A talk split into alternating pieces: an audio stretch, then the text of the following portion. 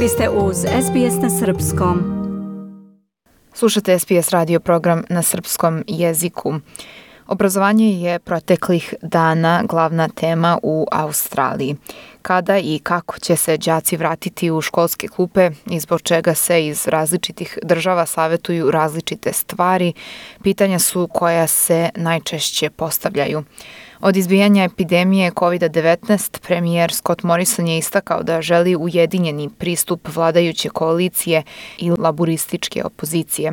Političari su uglavnom u saglasnosti, osim kada je školstvo u pitanju.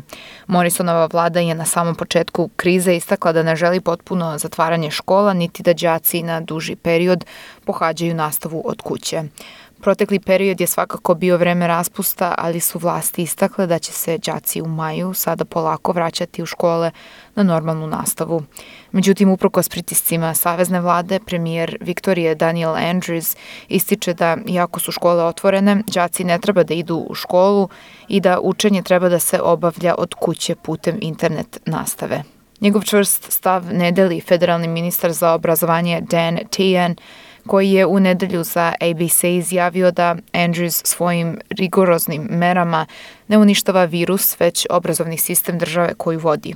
The question to Dan Andrews is Pitanje koje bih voleo da pitam Dena Andrewsa jeste u redu je da se borimo protiv virusa, ali zbog čega on napada obrazovni sistem. Mark Gowan u zapadnoj Australiji, Michael Gana u severnoj teritoriji i Stephen Marshall u južnoj Australiji takođe napadaju virus, ali ne uništavaju obrazovni sistem. You know where the impact is, is being felt on the most vulnerable children – Sva deca ispaštaju. Radnjiva deca, deca iz ugroženih socioekonomskih sredina, deca autohtonog porekla, kao i one iz ruralnih i regionalnih delova države.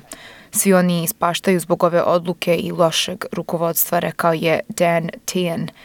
Međutim, komentari ministra se susprostavljaju savetu premijera Scotta Morrisona da roditelji treba da veruju u odluke vlasti individualnih država i teritorija. Jenny Mikakos, ministarka za zdravlje države Viktorije.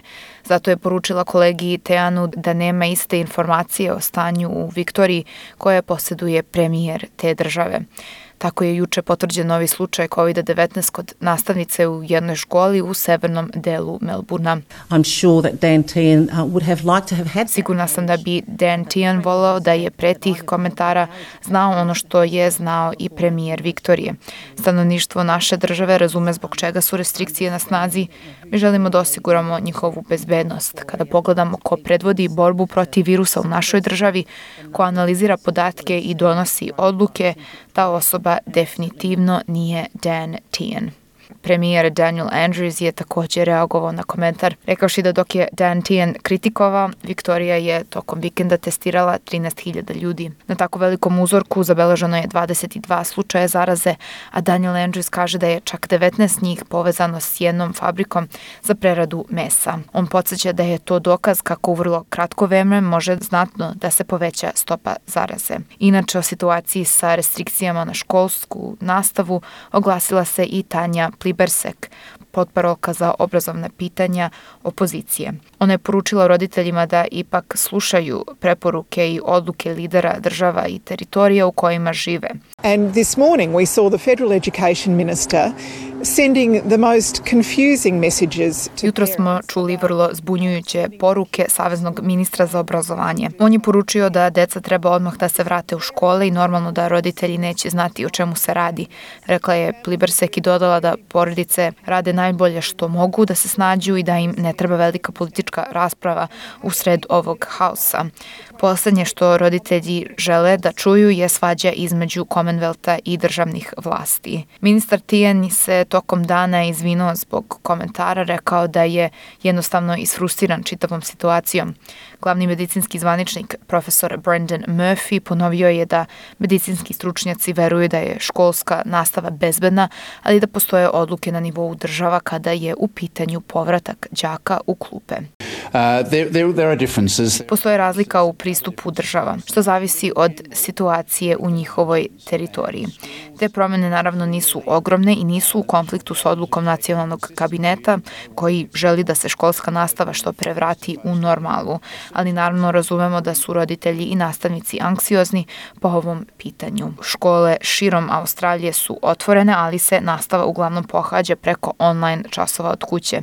U pojedinim državama kao što je Novi Južni Vels, đaci se postepeno vraćaju u škole, dok se u Viktoriji dalje savetuju roditeljima da ukoliko mogu sadrže decu kod kuće. Širom zemlje je jutros zabeleženo nešto više od hiljadu aktivnih slučajeva virusa Stopa zaraze se nije znatno povećala, ali su tokom vikenda zabeleženi smrtni slučajevi. Izbijanje virusa u staračkom domu u Sidneju je zarazilo 63 korisnika, od kojih je do sada 14 preminulo. Poslednji slučaj dogodio se proteklog vikenda. Ukupno 95 ljudi je preminulo od početka epidemije u zemlji, a procenjuje se da se od COVID-19 oporavilo oko 5800 osoba.